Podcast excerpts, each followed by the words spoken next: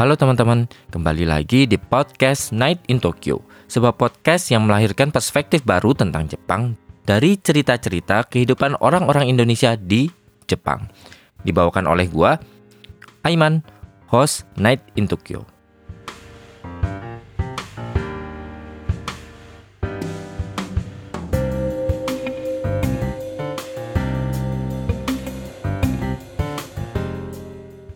Halo teman-teman, kembali lagi dengan gua Iman di Night in Tokyo.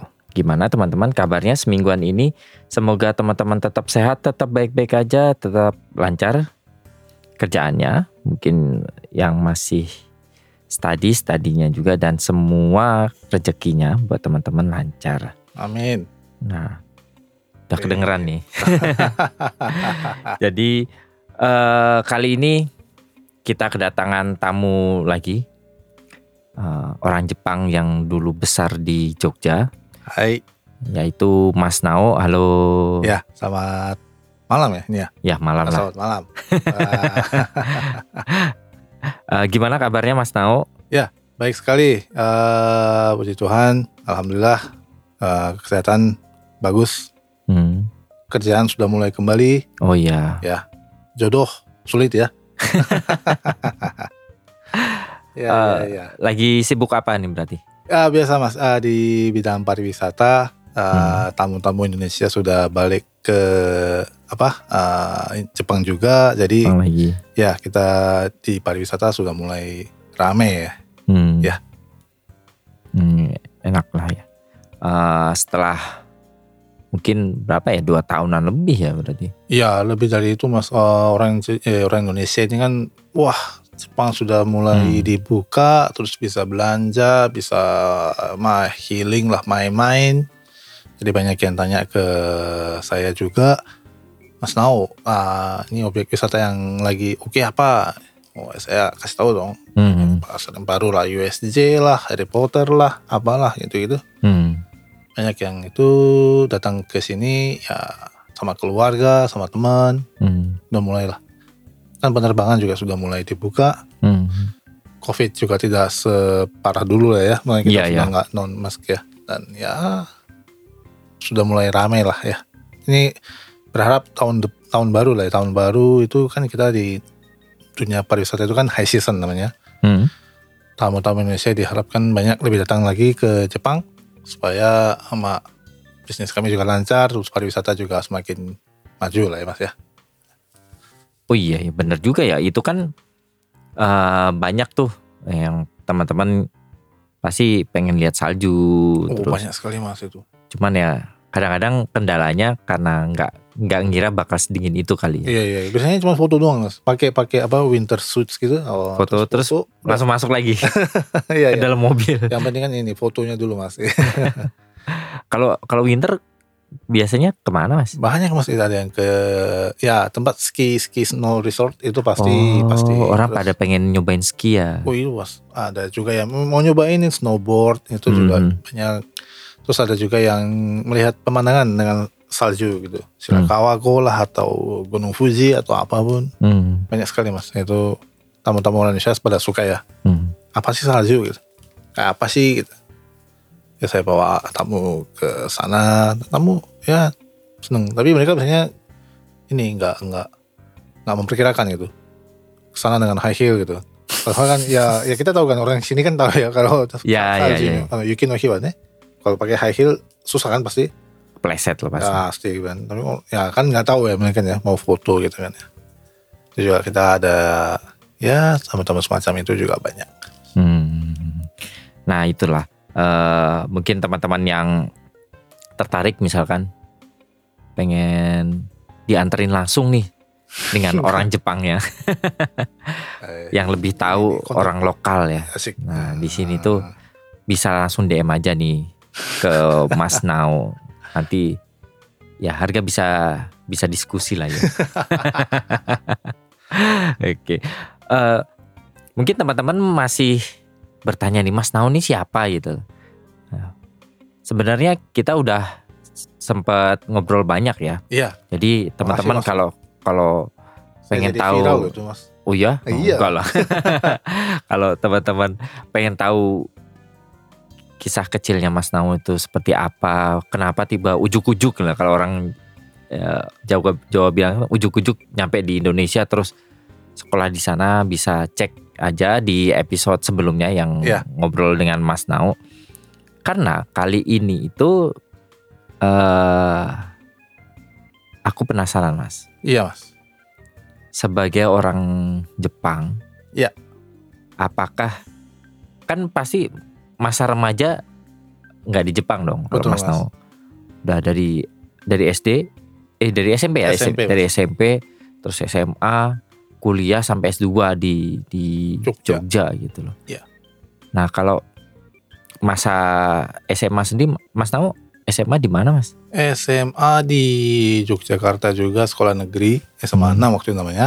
Hmm. Itu ya SMA negeri pada umumnya waktu Hmm. itu. Kita juga belajar untuk masuk ke universitas negeri. Hmm. Oh kita belajar mas waktu Hmm. itu rajin. Cuman sekolah saya waktu itu katanya ya mas ya katanya ya eh, terkenal dengan kenakalannya. Oh ya, Ah, ya. ya banyak lah sekolah kayak gitu. Ya, Indonesia. saya rasa semua SMA di Jogja, apa, nggak Jogja ya di Jakarta juga. Jakarta juga kan ya. Hmm. nakal gitu, merepotkan guru. gitu. ya itu sering sekali itu dipanggil. Hmm. Waktu itu sekolah negeri di sana tiga tahun. eh umumnya sih umum sekolah eh, SMA negeri pada umumnya kita Hmm. belajar masuk kelas dan sebagainya. Cuman ya entah kenapa waktu itu sekolah saya itu ada terkenal dengan kenakalan remaja dengan sekolah lain, Hmm. terutama dalam bidang perkelahian. Ya, Ya, tawuran. Iya, tawuran. saya nggak ikut ya mas ya, saya nggak mau ikut. Cuman Nontonin. konon katanya ini konon katanya kan.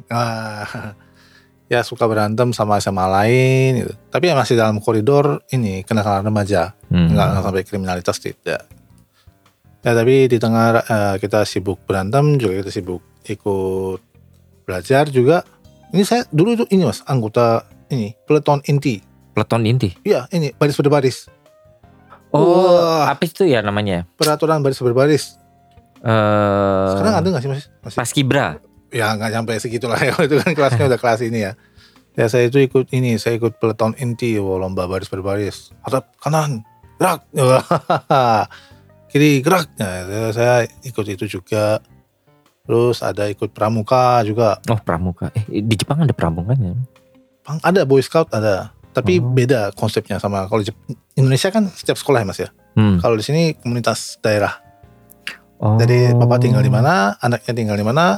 Nah, di situ di komunitas lingkungan itu ada pramuka gitu. Kalau Indonesia kan kayak setiap sekolah punya Kayak masuk dalam kurikulum gitu ya Iya, kalau iya, di iya, Indonesia ya. ya itu saya eh, ikut kegiatan-kegiatan semacam itu selama ya tiga tahun. Pernah ikut lomba-lomba juga. Ya pada umumnya mas. Ikut Cuman- ngaji juga. Ngaji oh iya pasti mas. saya kan ini rohania Islam. Wah Ini anak rohis nggak? Iya betul. Jadi teman-teman saya tawuran, saya cuma mendoakan dari kelas. Oh ya Allah Allah gitu kan. Nah, gitu mas. Ya tapi ya asik sekali lah masa muda itu. Enak sekali. Cuman sekolah saya waktu itu ya memang cowoknya sedikit. Hmm. Ceweknya banyak karena memang waktu itu ada peraturan ya karena rajin berantem. Jadi sekolah saya itu cowoknya dikurangin. Hmm. Jadi suka kayak sekolah cewek waktu itu. Uh, kita uh, satu dua kelas saja cowok, tapi masih solid mas ya, masih karena kita Oh, karena dikit juga. Iya solid banget. Masih sekarang WhatsApp group juga masih ada ya. Uh, kita kontak-kontakan ya ya masih kayak gitulah, masih kayak dulu itu. Hmm. Si- Ya, masih gojeknya itu masih leluconnya itu lelucon zaman dulu nggak berubah gitu. Asik sekali. Gojek itu bukan Gojek ya teman-teman. Iya, itu iya. guyonan. Guyonan ya. Guyonan itu apa candaan? ya caranya masih percaya zaman zaman waktu itu gitu. masih aja dibahas gitu ya, ya. asik ah. sekali Kalau kan Mas Nau itu pindah waktu SMP. ah, ah. Itu kan sebenarnya udah terbentuk nggak sih sebagai anak kecil gitu di Jepang? Enggak sih sebetulnya saya tuh pindahnya tuh SD tapi emang SD itu cuma setahun dua tahun saja Hmm. lalu ke SMP lah waktu itu hanya ini sih mas belajar cuma bahasa waktu itu Hmm. dan memang ya seperti yang saya cerita di episode per- uh, awal memang lingkungan sih memang sangat mempengaruhi ya. Uh, lingkungan membantu saya belajar bahasa Jawa dulu waktu itu, lalu bahasa Indonesia. Hmm. Dan di- dari situ saya bisa berkomunikasi dengan teman-teman. Masuk ke SMP negeri juga waktu itu. Hmm, oh, iya, negeri juga lagi ya. Ya, ya waktu itu kita masuk SMP, SMP 1 namanya waktu itu. Eh, katanya juga ini sekolah katanya favorit ya katanya ya. Nah, saya nggak ngomong saya sendiri ini sekolah cukup favorit eh, di bidang pramukanya juga. Oh. Ya, jadi saya ikut eh, di situ ikut. Pasusnya juga pasukan khususnya juga pramukanya? Enggak. Ya, dulu ada namanya Dewan Penggalang namanya. Oh, Dewan Penggalang. Ya, saya juga ikut di situ. Eh ya, saya setiap harinya sih sibukannya di situ lah ya. Maksudnya aktifnya di situ tiga tahun Hmm. sambil belajar waktu itu. Kalau di SMP sih SMP-nya tidak memiliki ciri khas perkelahian seperti di SMA tadi. Cuman ya SMP seperti anak pada umumnya ya sekolah, sorenya ekstrakurikuler, Hmm. nah, ya pramuka itu tadi. Terus sempat ikut OSIS, oh, oh, OSIS juga. organisasi juga. Hmm, terbilang aktif lah mas ya. Hmm. Maksudnya nggak cuma sekolah pulang, sekolah pulang nggak gitu juga. Lah transisinya tuh gimana? Transisi. Misalkan ya, kan kalau SD udah udah udah kental gitu SD-nya di Mhm. Jepang gitu. Ya bukan cuma bahasa, mungkin secara budaya, eh, karakteristik, eh, apanya ya, namanya pendidikannya. Terus tiba-tiba masuk ke opo kat- kalau kalau orang bilang kan desonya gitu loh di di di Jogja gitu yang Aha. culture-nya itu kan sama-sama kental kan dari Jepang juga kuat Indonesia kuat terus ketemu lingkungan baru tuh apa nggak kerasa gitu tahu-tahu udah beradaptasi atau sempat ada ini juga sih mas Kalau adaptasi pasti ada mas, ada. Cuman tidak mengalami kesulitan waktu itu. Ya mungkin nggak tahu ya anak kecil kali ya waktu itu masih kecil. eh, lingkungan juga nggak begitu. tahu-tahu udah ngeblend aja Iya ya maksudnya tahu-tahu teman-teman sudah ngajakin main, udah ngajakin makan dan sebagainya. Ya udah eh, akrab tahu-tahu akrab sendiri gitu. Hmm. Akrab sendiri. Ya us enak gitu loh. Maksudnya tahu-tahu udah udah udah berbaur aja ber, ber- Hmm. sama teman-teman, sama guru, sama dan lingkungannya juga.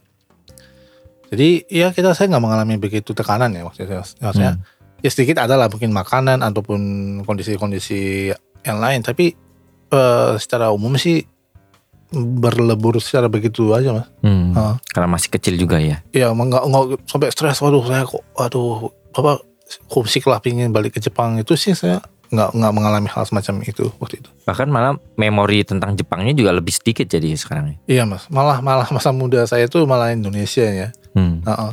Ya, asiknya asiknya ya gila-gilanya itu.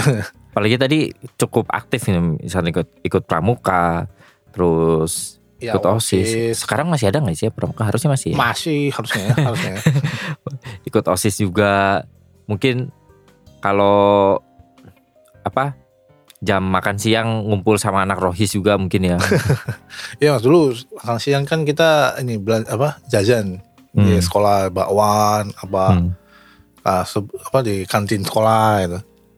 oh ya ini nih di sekolahnya pelajaran agamanya ikut yang mana Oh ini mas, kalau waktu itu di SMP itu saya memang harus ada agama, jadi saya ikut yang Kristen waktu itu. oh, oke Ya, tapi eh waktu SMA Kristen juga.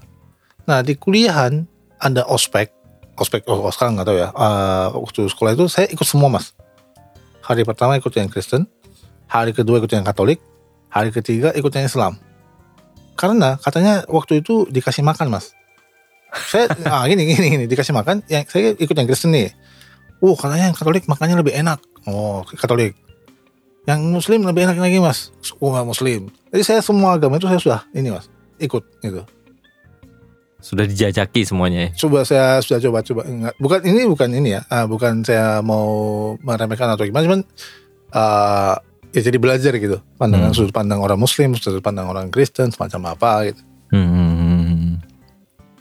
Mulai- Ya mata kuliah agama itu juga di Indonesia ada kan. Tapi kalau di Jepang kan nggak ada ya mata kuliah agama. Kan. agama oh iya Nggak Eh, apa sih namanya bukan ya m- eh, waktu itu tuh memang muat di di kuliahan tuh ada muatan yang harus ada itu kan yang PPKN sama agama itu. Iya kan. iya iya. Ya. PPKN. PPKN Pancasila, Iya, Pancasila. iya. Pancasila dan agama. Dia eh, kita balik ke SMA-nya lagi deh, Mas. Aha. Di SMA itu cukup aktif lah misalkan di apa di pramuka dan lain-lain gitu loh. Terasa ininya nggak sih mas? Misalkan atau Mas Nao sendiri nggak tahu misalnya kegiatan anak-anak yang ada di Jepang tuh kayak gimana gitu. Waktu itu sempat ini nggak sih mas?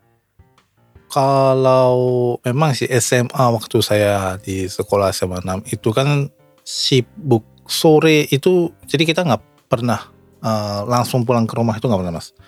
Entah entah ngapain. Saya juga nggak ngerti nih kenapa ini. Jadi budaya nongkrong. Oh iya dari dulu ya. nongkrong di budaya bawah beringin, bawah beringin. Jadi dulu ada pohon beringin. Wah, Oh iya pasti pasti nongkrong di pohon beringin ya memang ya. Iya, Karena rindang kan. entah kenapa kita nongkrong di situ ngobrol mas, ngobrol apa saya juga udah lupa ngobrol. Teman-teman yang lain juga ngobrol. Ya ada aja ya tonti lah ya baris berbaris itu tadi atau ke kegiatan Hmm. lain entah ke palang merah lah atau ada anak-anak yang basket lah ada yang bola ya ngobrol aja Mhm. dan di situ ya nggak bosen gitu maksudnya Hmm. ya ngobrolin entah gurunya atau ngobrolin apa pun itu ya Cewek gitu loh. Iya, pasti, Cowok-cowok kan ya, pasti lah cewek. oh itu kok wah make oh cowok cantik banget sih aduh nah, itu, itu pasti ya kita asik-asik aja gitu maksudnya nggak ada beban sekolah Indonesia kan sekolah pagi lah ya jam 8 itu udah Iya. masuk pagi Udah masuk. Waktu itu ya mm, apa ya nggak nggak apa-apa gitu loh maksudnya nggak jadi beban gitu kalau sekarang kan kayak kantor ke jam 8 tuh aduh berat banget dengan stres atau kok ya ah, gitu kan dulu tuh asik-asik ya mungkin masa muda kali ya masa Iya. Hmm. the power of putih-putih abu-abu ya putih abu-abu Putih-putih. Ah, abu- itu. eh, putih abu-abu. memang waktu itu asik sekali lah ya mas ya. memang teman-teman juga juga asik sekali ya teman-teman juga gila ya gila bareng eh ya itu yang bikin betah lah ya waktu itu.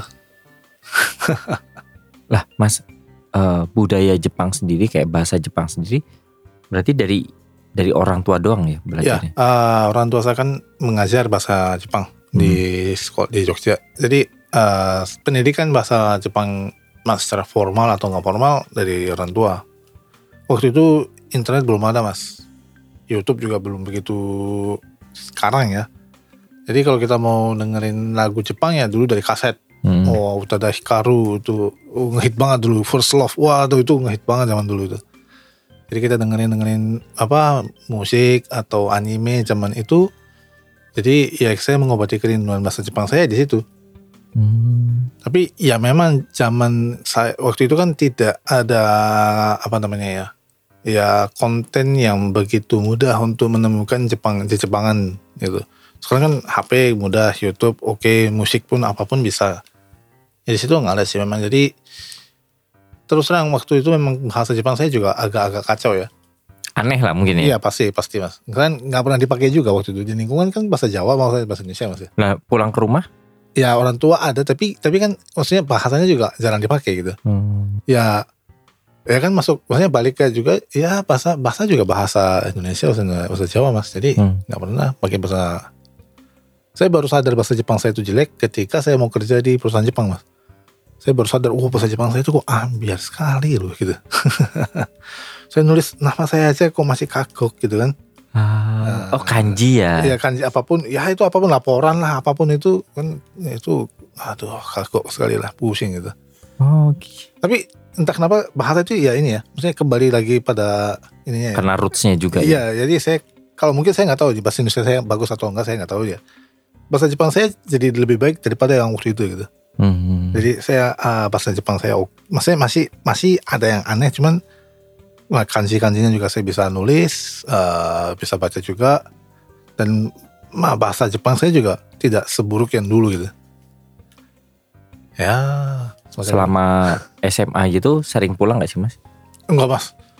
Ja, waktu itu masih mahal mas. Kita ke luar negeri itu kan masih. Oh masih jadi barang elit ya? iya gitu? sekolah maksudnya. Ya jadi waktu itu kan kami saya masih masih perlukan visa mas. Waktu itu kan masih perlu visa pelajar waktu itu. Hmm.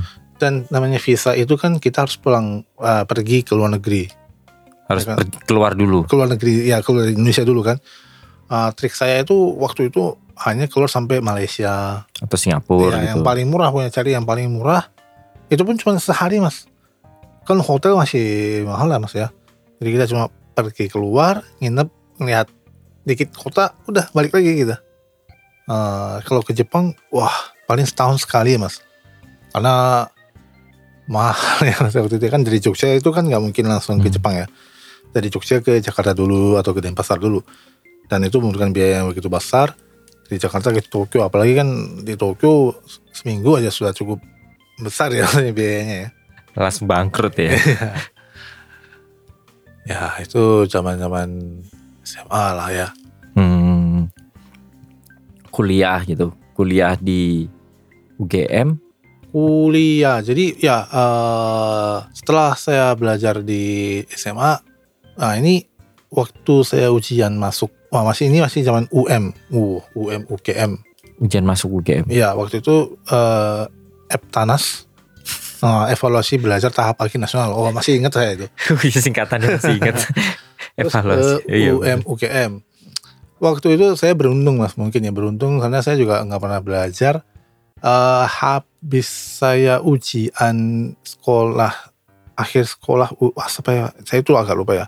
Itu Jogja itu kena gempa mas waktu itu 2006 Oh yang sempat tsunami dikit juga itu ya? Isunya tapi nggak tsunami sih. Hmm. Ya, eh, Jogja kena eh, gempa Bantul. Waktu itu Jogja Selatan itu eh, gempa besar sekali. Waktu itu cukup besar. Eh, waktu sebelum itu saya ujian eh, masuk UGM. Nah mungkin kebetulan saya orang yang beruntung ya. Gara-gara gempa jadi mungkin hasil ujian saya ketukar sama Ketukar sama yang- yang lain. Saya diterima di UGM waktu itu. Eh, di UGM masuk ke Fakultas Ilmu Budaya sekarang ya. Hmm. Fakultas Sastra dulu namanya ambil sastra Indonesia di situ saya belajar bahasa sastra lah bahasa sastra Indonesia khususnya bahasa Indonesia itu juga menarik mas sekolahnya juga ya kampus juga kampus sastra kampus apa namanya dulu itu kampus kok ya nggak kayak kampus gitu Hmm. masuk ya datang yang datang itu kaosan rambutnya ada yang gimbal Masih sendalan gitu masih sendal Oh gitu masih sendalan. Iya. Wah sekarang wah ya udah kayak kampung kampung gitu maksudnya. Tapi asik sih maksudnya eh, asik sekali sih waktu itu. Kita ikut ya ospek namanya waktu itu sas, sas- eh, ospek di kampus. Terus kita juga aktif di bidang ini eh, kemahasiswaan. Hmm. Ya, saya lebih aktif di musik, di karawitan, di ketoprak itu namanya ketoprak bukan makanan ya, ketoprak eh, drama drama Jawa. Drama Jawa. Ya kita Teater Jawa lah. teater Jawa ah, di situ aktif di situ terus saya juga baca apa lebih bantu anak-anak yang suka baca puisi lah baca diskusi bikin melakukan hal macam ya. Lebih Indonesia daripada orang Indonesia ya mungkin. oh suka sekali mas diskusi sosial sastra gitu wah berat Oh. banget ya dulu tuh tapi waktu itu kan masih muda ya kelihatan keren gitu kan diskusi anak-anak mahasiswa dengan kampus lain wah itu kan kelihatan keren. Ikut demo juga. Ya sempat. Wah kan anak-anak hukum itu biasanya rajin itu. Orang anak hukum itu kan biasanya suka rajin. Vokal ya, ya. terus kita ikut itu tapi kita nggak nggak dalam bentuk demonstrasinya nggak turun ke lapangan. Mungkin dengan dalam bentuk puisi lah dalam karya-karya gitu. Oh ya ya ya. kalau hukum biasanya wah Oh nggak tahu ya kalau sekarang. Memang dulu itu memang identik. Kalau mahasiswa mahasiswa lagi demo itu Hmm. itu tuh kayak selalu ada ada aksi teat teatrikalnya ya. banyak mas. Jadi biasanya dulu kalau dulu anak-anak hukum itu yang suka kumpulin bus-bus itu bendera-bendera itu anak hukum. Terus yang orator itu yang sospol gitu. Oh, so, so, Kalau ya. anak-anak ilmu pemerintahan itu yang orator eh, sastra itu yang apalah yang kita bikin art art seni-seni atau apa. Ya kita sih pernah diajak tapi ya jarang sih. Kita nggak nggak nggak begitu jam nggak begitu demonya nggak begitu ini. Tapi ya ada juga dulu macam itu karena ya namanya juga UGM kita satu tetanggaan kan ya sama fakultas yang lain ya Hmm. UGM ekonomi psikologi Ini filsafat. luas banget kan UGM Ya. itu. Ya ada juga mas Rame waktu itu Ya setiap hari ada sih kegiatan gitu ya Hmm. iya ya. Eh, mahasiswa gitu. Ya Ikut himpunan mahasiswa juga. Ikut, ikut mas. Ikut, ikut. Jadi waktu itu saya ikut himpunan mahasiswa sastra Indonesia. Waduh, ini ya, ikut bulan bahasa. Wah, Bulan bahasa. ya mungkin mungkin teman-teman saya lebih ada yang kalau lebih ada yang lebih tahu lebih eh, ahli ya mungkin boleh boleh dikoreksi waktu itu bulan Oktober apa bulan September. Jadi kita itu ada bulan bahasa namanya. Kita kumpulkan karya-karya dari sastrawan. Hairil Anwar, Sapardi Djoko Damono, Besrendra dan sebagainya. Hairil Anwar. Oh, banget. itu kita bahas diskusi bulan bahasa sebaiknya bahasnya itu seperti apa ke depannya oh, ngeri banget kan diskusinya Berat berat banget. kan kita ngobrol semacam itu gitu terus kita juga sering mahasiswa itu adakan malam kakraban Oh, makrab. ya makrab itu kita ngadain makrab diskusi lagi ngobrol ya ada kadang juga minum-minum dikit ngomong apalah ngobrol-ngobrol gitu suka banget ya waktu itu diskusi itu seneng gitu waktu itu ya Karena memang sastra itu setengah seni ya. ya ada juga ya Eh, Enggak enggak yang apa Iya ya? betul. Nggak, cuma- nggak cuma hanya sastra saja gitu loh. Cuman ya kita belajar budayanya juga, budaya Budayanya, musik lah, tari, seninya, Jawa, apa pun itu eh, kita belajar di situ kita ngobrol dengan sastra anak-anak Jawa lah dari anak-anak antropologi, anak sejarah banyak sekali kita ngobrol dan bikin apa pun lah konten musik, konten teater, apalah ya pokoknya seru lah waktu itu ngeband juga sempet Oh iya ini itu tuh Eh. ngeband. Ya, ya, jadi saya dulu juga di band namanya Sastro Muni waktu itu saya juga dipercaya sebagai gitaris. Ya, kenapa di, bisa di situ? Ya nggak tahu juga. Tiba-tiba diajak senior, kamu datang hari Minggu pagi gitu. Dulu di kampus saya itu ada ini eh, pasar tumpah di pasar kayak orang jualan di pinggir jalan itu Hmm. ngamen di situ. Awalnya di situ udah. Di situ terus di- dibentuk band terus sampai ke mana ke Kalimantan, ke Jawa dan sebagainya gitu. Ya kegiatan saya sibuk gitu ya. Asik sekali tapi. Di band jadi apa mas? Gitaris Vokalis. mas. Gitaris. Oh Iya. gitaris. Band band humor. Band humor. Iya. Sastro Muni namanya. Sastra Ya. itu sastra Muni itu bunyi. bunyi. Ya. Ini kalau boleh saya cerita sedikit tentang sejarah katanya ya mas. Ini kalau ada pendengar yang lebih ahli dengan sejarah ini boleh dikoreksi juga. Mungkin ada yang relate juga ya. Ya mungkin ya. Katanya ini tahun 60-an 70-an ada anak-anak kuliah dari UGM Fakultas Sastra, Fakultas Ilmu Budaya waktu itu eh, yang demo di UI di Depok. Oh, jauh ya. Ikut, ikutan demo sampai Jakarta nih. Mau pulang nggak bisa balik. Mereka ngamen di eh, stasiun Gambir. Mm-mm, Gambir. Anak-anak Fakultas Sastra ngamen di Gambir, jadi dulu membentuk namanya Sastra Gambir katanya. Oh tadinya sastra Gambir. katanya begitu ya sastra Gambir. Nah sastra Gambir ini telah eh, balik kampus dan mereka membentuk regenerasi ini. Angkatan katakanlah 2004 diregenerasikan ke 2005, 2006 dan seterusnya gitu. Nah bentuk, terbentuklah sastro sastro muni tadi tahun 87 kalau nggak salah. 87 loh mas itu ngeri banget tua tua tua tua, tua, tua sekali. Itu angkatan generasi pertama. Hmm. Katanya waktu itu masih bawakan lagu-lagu country, lagu-lagu Oh, yang- dangdut itu zaman Hmm. pada zamannya. Pada zamannya. Lalu di tahun 2000-an eh sorry, 98 atau 97 itu mulai menyelitik politik dengan humor. Zaman ini ya. Zaman warkop ya. Ya, itu kita ah, apa namanya ya? Mengeritik pemerintah dengan humor lah. Humor gitu. Nah, jadi katanya sih di situ jadi band humor. Hmm. Angka- Angkatan itu ada Timlo lah, ada Sri Rezeki, Produk Gagal dan sebagainya band-band yang mungkin kalau nasional Timlo kali yang lebih. Iya. Di situ kita di band humor dari tahun 97 kalau nggak salah 97 98 itu mulai humor. Di situ baru kita masuk ke zaman waktu itu yang hit sama api dan sebagainya. Ya di situ saya eh, di situ sorry Sastro Muni eh, mulai ngehit lagi dan saya masuk di angkatan tahun 2006 2006. ya di gitaris ya selama kurang lebih tiga tahun lah mas ya. Hmm. ya asik sekali itu. Jadi kita di- jadi kita itu gini mas sistemnya nggak langsung ke player. Itu enggak jadi kita itu jadi krunya senior saya dulu jadi ada Oh. jadi ada senior saya yang main nih. Saya cuma bawain kabel saya cuma bawain gitarnya dia gitu. Apa mm, ya bersihin gitar styling gitar dan sebagainya. Lalu setelah itu eh, ada kayak ada masanya transisi. Nah kita dipercaya nih terus gue jadi anu eh penerus gue gitu. Kamu jadi penerus saya aja. Oh oh ya mas. Ya gitu aja. Ya kita kita neruskan Eh saya nerusin selama tiga setengah tahun tiga tahun Oh. ya. Ya Jadi kayak ini juga ya, kayak JKT juga ya. ya ya Namanya akan selalu ada playernya yang berganti. Ya betul betul, betul. macam itu. Ya ya gampangnya kayak gitu.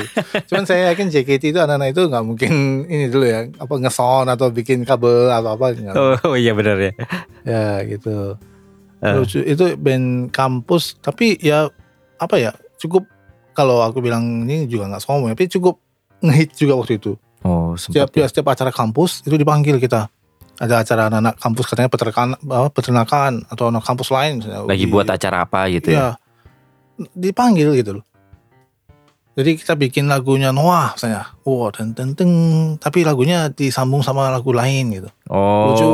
Terus dipanggil itu jadi Dilucuin pokoknya ya. Waktu itu kan belum ada ini ya. Itu dari mulut ke mulut sampai ke ini acara-acara kampus lain dan juga acara-acara kampung. Wah, ini kalau di kampung seru lagi, Mas. Jadi kalau kecamatan yang kecamatan A, B, C, D itu empat kecamatan bisa satu malam mas kita manggung empat kecamatan itu lintas ke kecamatan Oh, tujuh belasan, Cirekatan dan sebagainya. Tapi ya karena mahasiswa kita itu kita nggak eh, ber apa ya, nggak nggak prioritasnya ke uang ya. Akodom- akomodasi lah paling. ya ya. paling cuma dikasih makan, dikasih minuman apa gitu. Sama transport. Iya, dikasih transport ya alhamdulillah. Waktu itu ya nggak tahu ya, saya nggak tahu kalau zaman sekarang terus, wah ini mana Nao bilang nggak usah di, nggak usah dibayar, terus ada yang kontes astronomi nggak dibayar juga jangan gitu. Tapi waktu itu ya pernah saya nasi kuning terus sampai ke Pontianak pernah. Oh, itu paling jauh. Ya itu saya cuma bawa sangu 30 ribu mas waktu itu. Tiga puluh ribu tahun 2006 mas. 2006. Ya. Saya nggak tahu tiket saya apa, nggak tahu makan saya apa, hotel saya juga nggak tahu, cuman bawa sangu 30 ribu udah sampai. Itu acara Telkomsel mas masih ingat tuh. Hmm. Ah, itu pernah juga sama Semarang. Tapi itu asiknya ini mas, jadi band pembukanya band-band gede Indonesia. Oh, iya iya. Oh, iya. jadi kita ini band sebelum pembuka sebelum Dave dulu. Sebelum apa lagi ya? Saya lupa Sheila on Seven. Nah, Salah Seven. ada juga J-Rock apalah macam-macam itu. Kita sempat satu panggung gitu lah. Oh, kita jadi band opening gitu. Cuman ya, ya itu deh. Datang panitia datang, wah mas mas, terima kasih ya mas datang datang. Biasanya salamannya kenceng tuh mas. Wah, makasih ya mas. Udah itu aja mas. Salamannya kenceng, udah itu. Ini mas, nasinya mas. Nah, kita nggak pernah dibayar waktu itu. Nasi sama na- udah salaman kenceng, udah seneng waktu itu. Ada yang ini nggak sih mas? Eh, waktu ngeband, lah kok ada orang Jepang nyasar gitu? Mungkin nggak tahu ya waktu itu ya mas ya. Nggak kelihatan ya? nggak kelihatan. Cuman kadang vokalis saya teman saya namanya Kolek itu kadang ini, "Oh, ini ada Jepang palsu. Wah, Palsu. ini ada Jepang palsu. Ini ada penjajah dan sebagainya. Dan, candaan ya itu. Candaannya. Wah, tapi itu juga memunculkan satu tawaan di situ kan. Nah, terus orang jadi tahu, uh, orang Jepang gitaris eh, dan kayak ah, dan sebagainya gitu. Itu juga asik sekali ya. Ya kalau di kampung-kampung itu lebih pecah lagi mas itu kan. Oh ini, ini anu nih, ini anu. Saya nabi apa saya itu bisa ngomong Jepang Oh, dan ya bikin-bikin konten-konten yang lucu-lucu lah gitu. Saya ngomong Jepang, saya datang dengan seragam Jepangnya dan sebagainya. Oh, sampai segitunya. Ya. Tapi ya masih masih uh, teman-teman saya masih juga kontekan. Mereka ya udah udah ada yang jadi bapak-bapak juga. Ya asik sekali waktu itu. Ber- berarti sampai sekarang masih melanjut tuh Setahu saya masih ya, setahu saya Oh. masih. Generasi berapa berarti sekarang? Nggak tahu mungkin kalau ada yang dengerin ini Sastro Muni bisa nerusin ada yang mungkin koreksi mungkin nggak tahu saya saya aja 12 generasinya ya. Sekarang nggak tahu 2000 sekian. 2006. Sekarang 2003 eh 2020. 223. Iya kan? Berarti angkatan 2020-an kan? Iya, iya. Aduh. Ya, band regenerasi lah ya. Banyak mas di Jogja itu banyak yang semacam itu. Di te- teknik juga kalau nggak salah ada band yang kayak gitu. Saya juga band Sastromonik kandang apa ya? The kandang kalau nggak salah teknik itu ada juga. Terus fakultas hukum juga ada sendiri. Siap, siap fakultas ada dulu. Cuman memang yang sempat ngehit itu memang dari fakultas saya Sastromuni waktu itu. Ya memang senior-senior saya juga pandai ya bikin lagu gitu. Ya bukan pandai sih. Nggak pernah kuliah, ngapain bingung ya bikin lagu gitu. Bikin lagu aja. gitu. Nongkrong di kantin saya Eh, kita di Kalau nggak di ruang fakultas osis, eh Ah. osisnya apa? oh ya di Himpunannya. ya waktu itu kan kita nongkrong di Bonbin mas oh, kebun Bonbin. bintang bukan kebun binatang tapi kebun bintang Oh. jadi kita dianggap kita memunculkan bintang-bintang yang lainnya gitu oh di Bonbin gitu kita nongkrong apa bikin lagu gitu wah ini sih, ini lucu ini terus kita sambil ini kan nggak cuma lagu ya dengan lelucon-lelucon politik ataupun politik humor yang lainnya Hmm. itu ya di situ kita bikin karya dan ya itu cukup menarik ya. Maksudnya pengalaman besar buat saya juga. Ada yang jadi terkenal nggak mas? Dari Sastro Muni.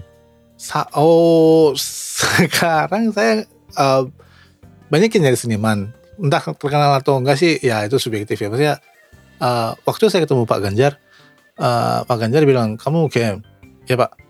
Kuliahmu di mana? Sastra Pak melu sastra muni enggak ikut Pak apik nah, berarti kan maksudnya Pak Pak, Pak Ganjar aja tahu gitu. Tahu. ya berarti kan oh saya saya saya tidak saya melakukan hal yang benar gitu. Maksudnya orang Jogja itu paling ada yang pernah dengar lah paling tidak gitu. Oh, oh, kalau kalau mungkin karena Pak Ganjar juga alum alumni mungkin UGM kali ya dia eh, juga alumni kan hukum UGM. ya tetangga jadi tahu aja waktu itu mungkin. Eh, terus dia tahu berarti Sastro Muni itu memang ini banget ya, maksudnya ap- ya nggak tahu kalau anak sastra itu kayak udah ya kalau ada teman-teman yang dengerin terus ada yang UGM nih terus dengerin sastro muni itu pasti saya yakin ada yang pernah dengar paling tidak itu hmm, paling tidak kayak udah menjadi satu kesatuan dengan Fakultas Sastra gitu kan. Iya waktu itu ya Hmm. Iya. Ya saya harap ada yang dengerin ini ada yang dengerin terus ada yang anak UGM atau anak Jogja mungkin ya. Wah, ah, kok ada yang kenal yang nggak asing gitu. Ah, Mungkin mungkin ya itu sudah cukup bagi kami untuk apa namanya ya me- menunjukkan konsistensi kami waktu itu gitu. Pengalaman yang paling nggak terlupakan bareng Sastro Muni apa mas? Wah banyak mas itu kita itu kan lagu ya. Itu lagu itu kan kalau setiap komposisi lagu itu kan ada intro apa eh, apa sih namanya eh, lagu A, lagu B, referen dan sebagainya kan. Nah itu jadi gini mas waktu itu di ke acara apa saya lupa ya. Kita ini jadi MC nyambut. Hmm. Oke bintang tamu selanjutnya adalah Sastro Muni. Munimat. Kita udah mulai intro langsung tawuran. Duar, duar, duar. Cuma peringatan bubar acaranya. Kita ngapain coba kan kita bingung kan. Lu, lu, lu. Kita selesai ya. Itu juga pernah. Ada juga apa kita disiapin eh ya ini mungkin panitia ya mungkin saya nggak menyalahkan panitia panitia itu nggak menyiapkan apa-apa nggak ada speaker nggak ada apa jadi kita pinjam mes, toa masjid. Toa itu apa? Speaker masjid? Ya speaker Wah, masjid. itu kita pernah nyolokin di situ main pernah juga. Apalagi ya? Ya mas ini ini boleh nggak sih minuman keras omongin minuman apa-apa. nggak apa ya? Eh, mas kita mau ngundang Sasro Muni mas. Oh ya nggak apa-apa. Tapi kita nggak punya budget mas. "Oh, nggak apa-apa lah. Adanya apa? Ini mas dua liter minuman keras khas Jogja gitu. Oke. Itu juga ada juga mas dulu dulu ya sekarang mungkin nggak tahu sekarang ya ya ya pengalamannya macam-macam mas Hmm. ya ya lucu lah waktu itu I- berarti itu sampai Mas Nau lulus di Sastro Muni itu? Iya. sampai kan ya, regenerasi waktu itu kan saya eh, mau rajin maksudnya mau jadi kalau kampus itu kan kita biasanya kuliah terus akhir-akhir itu kan ada kuliah kerja nyata KKN Hmm, KKN. kita kan biasanya ke daerah ya waktu itu kita sudah mulai mau regenerasi dengan generasi selanjutnya saya ke KKN di daerah ya saya akan saya meneruskan saya eh, menyerahkan tempat saya ke adik kelas saya gitu Hmm, yang lebih junior. ya dan mereka ya meneruskan dan mungkin lebih sukses daripada angkatan kami gitu Oh berarti ke mana-mana naik kereta gitu? oh, enggak mas naik motor mas Enggak, kalau kalau misalnya manggungnya pernah sam- sampai Surabaya Malang gitu? mobil mas Oh naik mobil. iya kita sewa ya nggak sewa sih ada sewa driver juga mobil gitu Oh kirain naik kereta gitu ya? Enggak sih, naik mobil biasanya. Sambil lihat Bengawan Solo gitu. Oh, ini Bengawan Wih, Solo ya. Solo. Oh, ini oh ini sampai waktu main di Jepara, oh ini Pantai Kartini gitu, gitu lah. Ya, kita ya sambil jalan-jalan terus kita ngobrol-ngobrol topik di daerah itu waktu itu misalnya. Ya, asik sekali lah Mas waktu itu. Ada yang masih inget gak mas?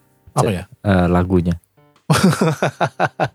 Udah hampir banyak yang lupa. Cuman ya ada ada kalau di YouTube ini Mas, kalau YouTube Sastro Muni gitu di searching ada kok. Banyak lagu-lagunya. Dulu eh, zaman Mas Nau melesetin lagu siapa Mas? Banyak sekali Mas. Itu hampir jadi jadi kita penyakit ya. Jadi dengerin lagu itu ini enaknya di apa ya gitu loh. Hmm.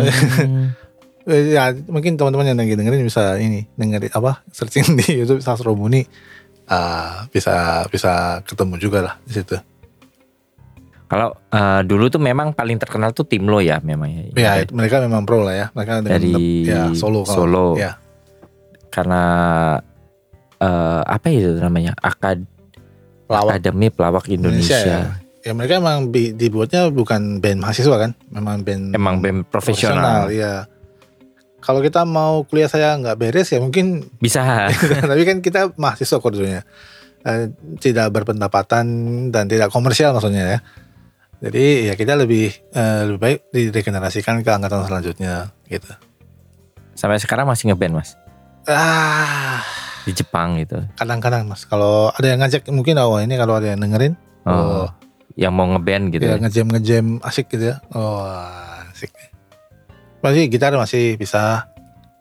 Ya hobi lah gitar hobi mas.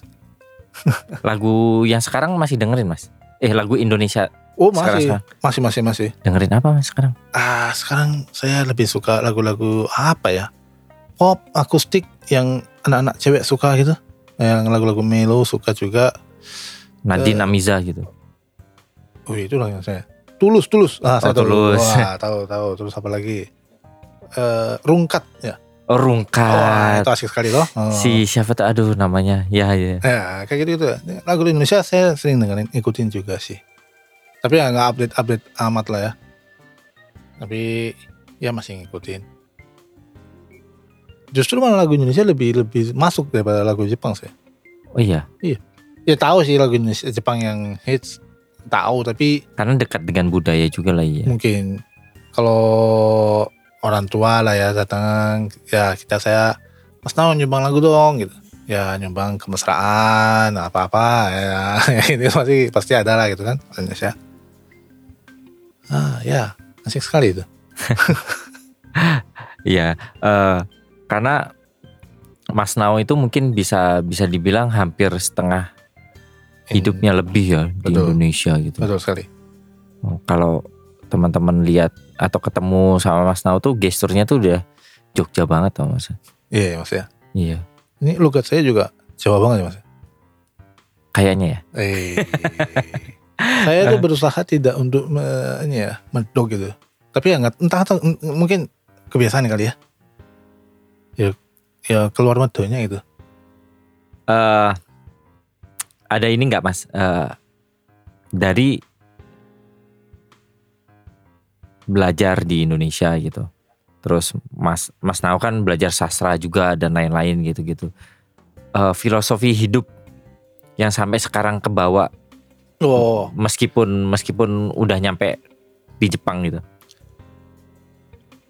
filosofi yang saya mungkin masih terapkan ya dalam hidup saya itu kalau ini mungkin filosofinya bukan Indonesia tapi Jawa ya nerimo lang legowo Dari gue? ini apa ya? Jawa sekali maksudnya. Sangat Jawa nerimo menerima. Menerima apa adanya. Yaitu baik karir baik jodoh maupun apa pun terima apa pun itu bersyukur. Hmm. itu terima. Terus legowo legowo itu sabar ridho ikhlas. Nah, apa pun itu disabari disyukuri dihikmati di, di apa pun itu disabari lah di, di, dinikmati lah itu. Itu pasti ya kita hasilnya pasti bagus. Apa pun yang diberikan Tuhan itu pasti bagus. Nerima yang legowo. Jadi sabar dan terima apa adanya. Nah itu prinsip yang saya nggak pernah uh, apa ya uh, saya masih berusaha coba untuk uh, saya pertahankan. Dan orang Indonesia rata-rata sudah menjalankan hal itu gitu. Orang kan ya santai gitu lah ya. Maksudnya nggak nggak ribet gitu kan.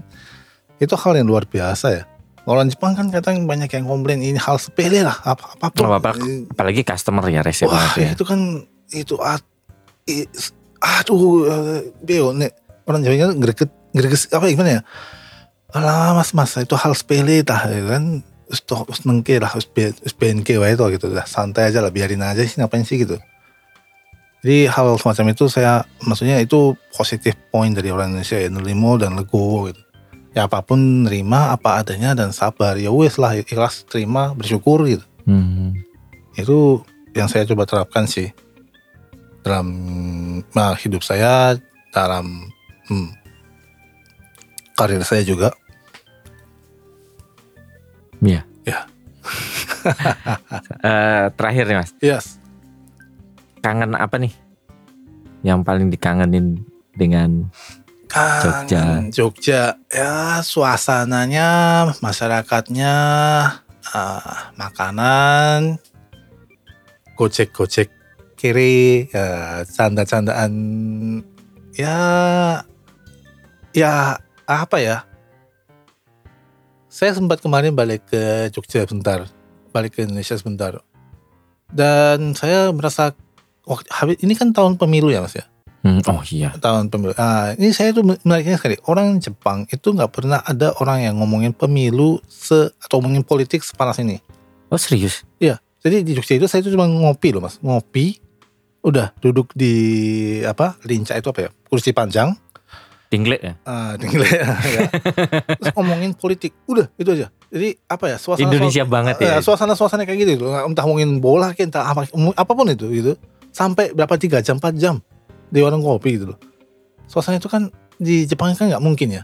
Lah orang Jepang nggak ngomongin politik ya? ya ngomongin apa sih? Ngomongin paling ngomongin kerjaan ngomongin oh, Oh. jeleknya orang orang lain sambil ngomong sambil sambil min, apa nomikai itu kan. Ya aku memang ikut sih dalam hal itu tapi di Jogja itu ya nggak di Jogja sih. Jogja waktu itu apa ya? Ya cukup segitu aja itu udah kopi segelas ngobrol apa adanya seadanya itu aja udah happy gitu itu kangen suasana suasananya yang ya gocek gocek ya bercandaan yang apa sih yang yang ah ngomongin apa sih Terus kita kita ngomongin juga jadi apa sih gitu loh tapi itu yang iya. bikin menarik gitu Ya memang eh, kayak nongkrong. Terus kita nggak tahu tujuannya apain. Yang Iya, penting iya. nongkrong. ngobrol, Ngobrol. itu apa pun yang muncul gitu kan Mau apa? Mau sampai malam atau sampai jam berapapun dipikir ya seenaknya aja kan Iya, ya iya. gitu itu. ini kalau yang pendengar ini mau tahu ini sebelum kita bikin record ini kan kita makan siang bersama tadi ya mas ya Iya. kita ngomongin masalah apa sih toko coklat dan sebagainya itu itu kan ya kita ngomongin juga buat apa sih gitu kan Iya.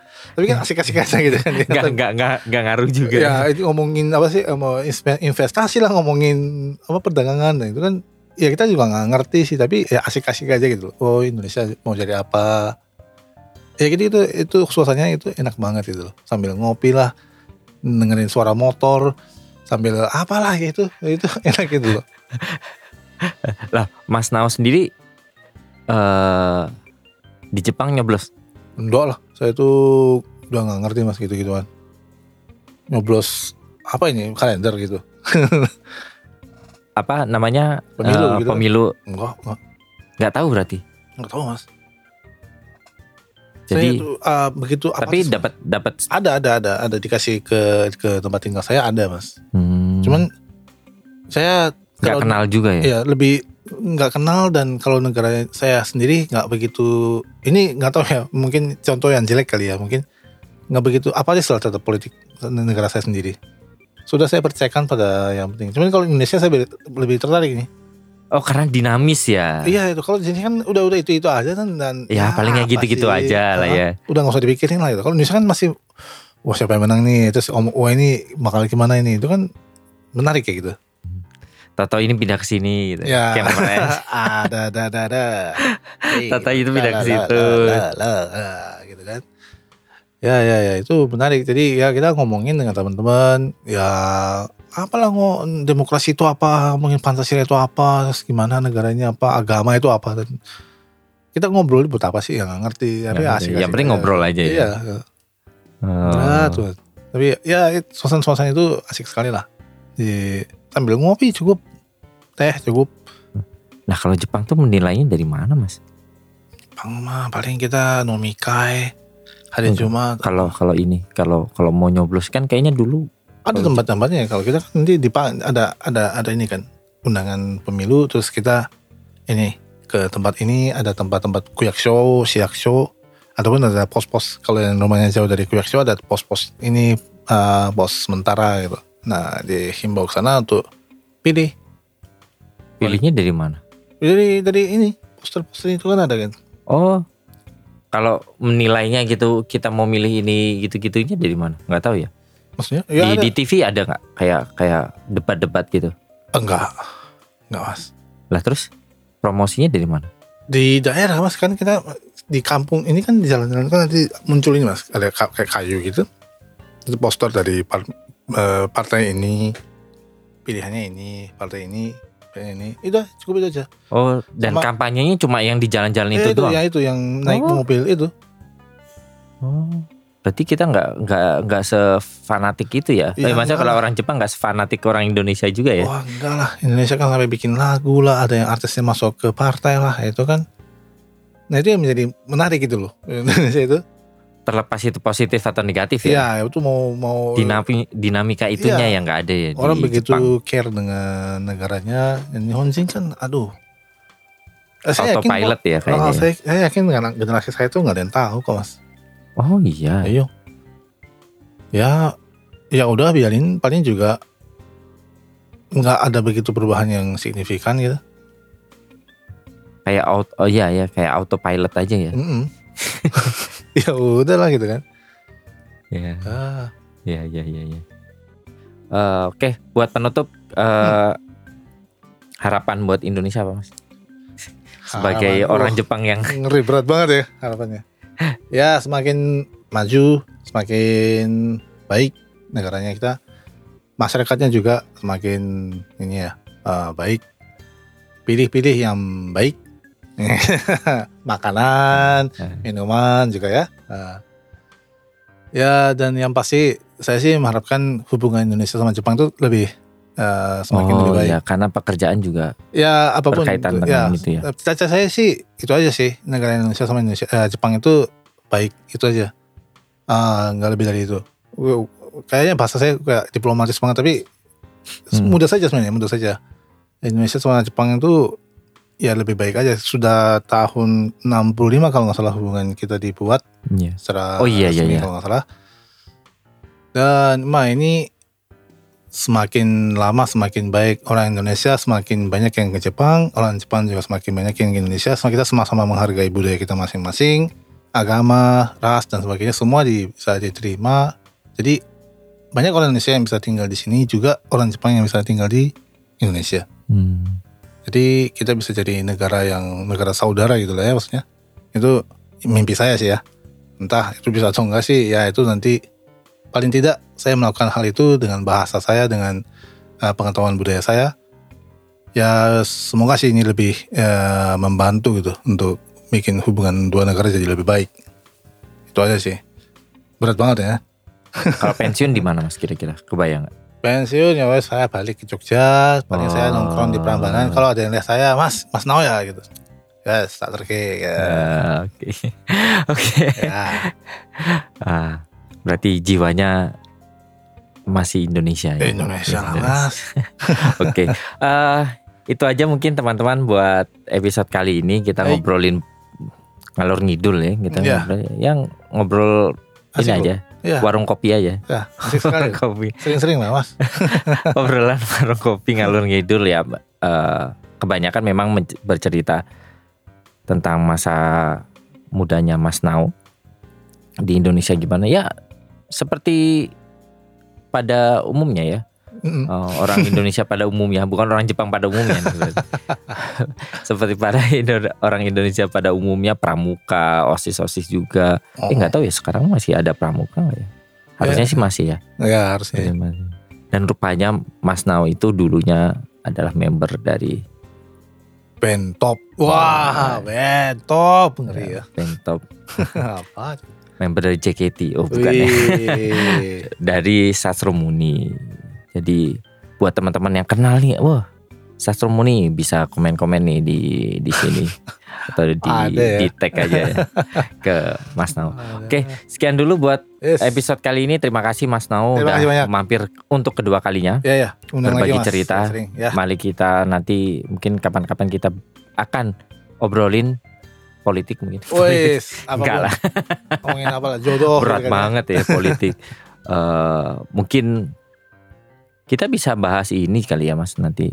Eh, Saya punya teman banyak sekali mas yang kayak gini. Saya juga. Saya bisa bawa nanti. Woi. Kita ngobrol-ngobrol gitu. kayak hubungan sebenarnya hubungan Indonesia dan Jepang ini seperti apa?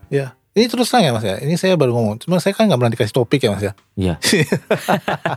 Makanya itu loh mas. Jadi Ini jadi kalau pendengar kalau mau ini kita itu saya tuh nggak dikasih topik. Jadi kita ngobrol yang tadi gini. Iya. Ngobrol ngadul apa gitu. Ngalur ngidul. Iya itu. Kayak gitu. Mungkin Ada. eh, itu karena asik juga sih. kayaknya ke depannya aku pengen ini deh Mas. Nanyain Mas Nau tentang sebenarnya kayak gimana sih hubungan Indonesia dan Jepang. Oh, saya, karena itu tanya, tanyanya ke KBRI, tanya ke mana yang yang loh justru dari sudut pandang Mas. Walah. Yes. Gitu. Oke, eh, sekian dulu buat episode kali ini teman-teman. Eh, terima kasih Mas Nau udah datang Terima kasih. sekali lagi udah datang ke Night in Tokyo dan terima kasih juga teman-teman yang udah selalu dengerin podcast Night in Tokyo. Jangan lupa juga buat follow Instagram Night in Tokyo di night.in.tokyo karena di sana biasanya gua bakal berbagi informasi yang berkaitan tentang podcast ini dan hal-hal yang berkaitan tentang Jepang dan teman-teman juga bisa kunjungi langsung di website Night in Tokyo di www.nightintokyo.com. Di sana ada blog yang gue tulis, ada foto-foto juga dan dan tentunya teman-teman bisa dengerin semua podcast mulai dari awal sampai yang paling akhir atau yang paling baru semuanya ada di www.nightintokyo.com. Sekian uh, buat episode kali ini. Terima kasih Mas Nao dan terima kasih juga teman-teman udah dengerin Night in Tokyo. Selamat malam, selamat beristirahat dan sampai jumpa lagi di episode Night in Tokyo selanjutnya. Bye bye. Bye bye. Bye.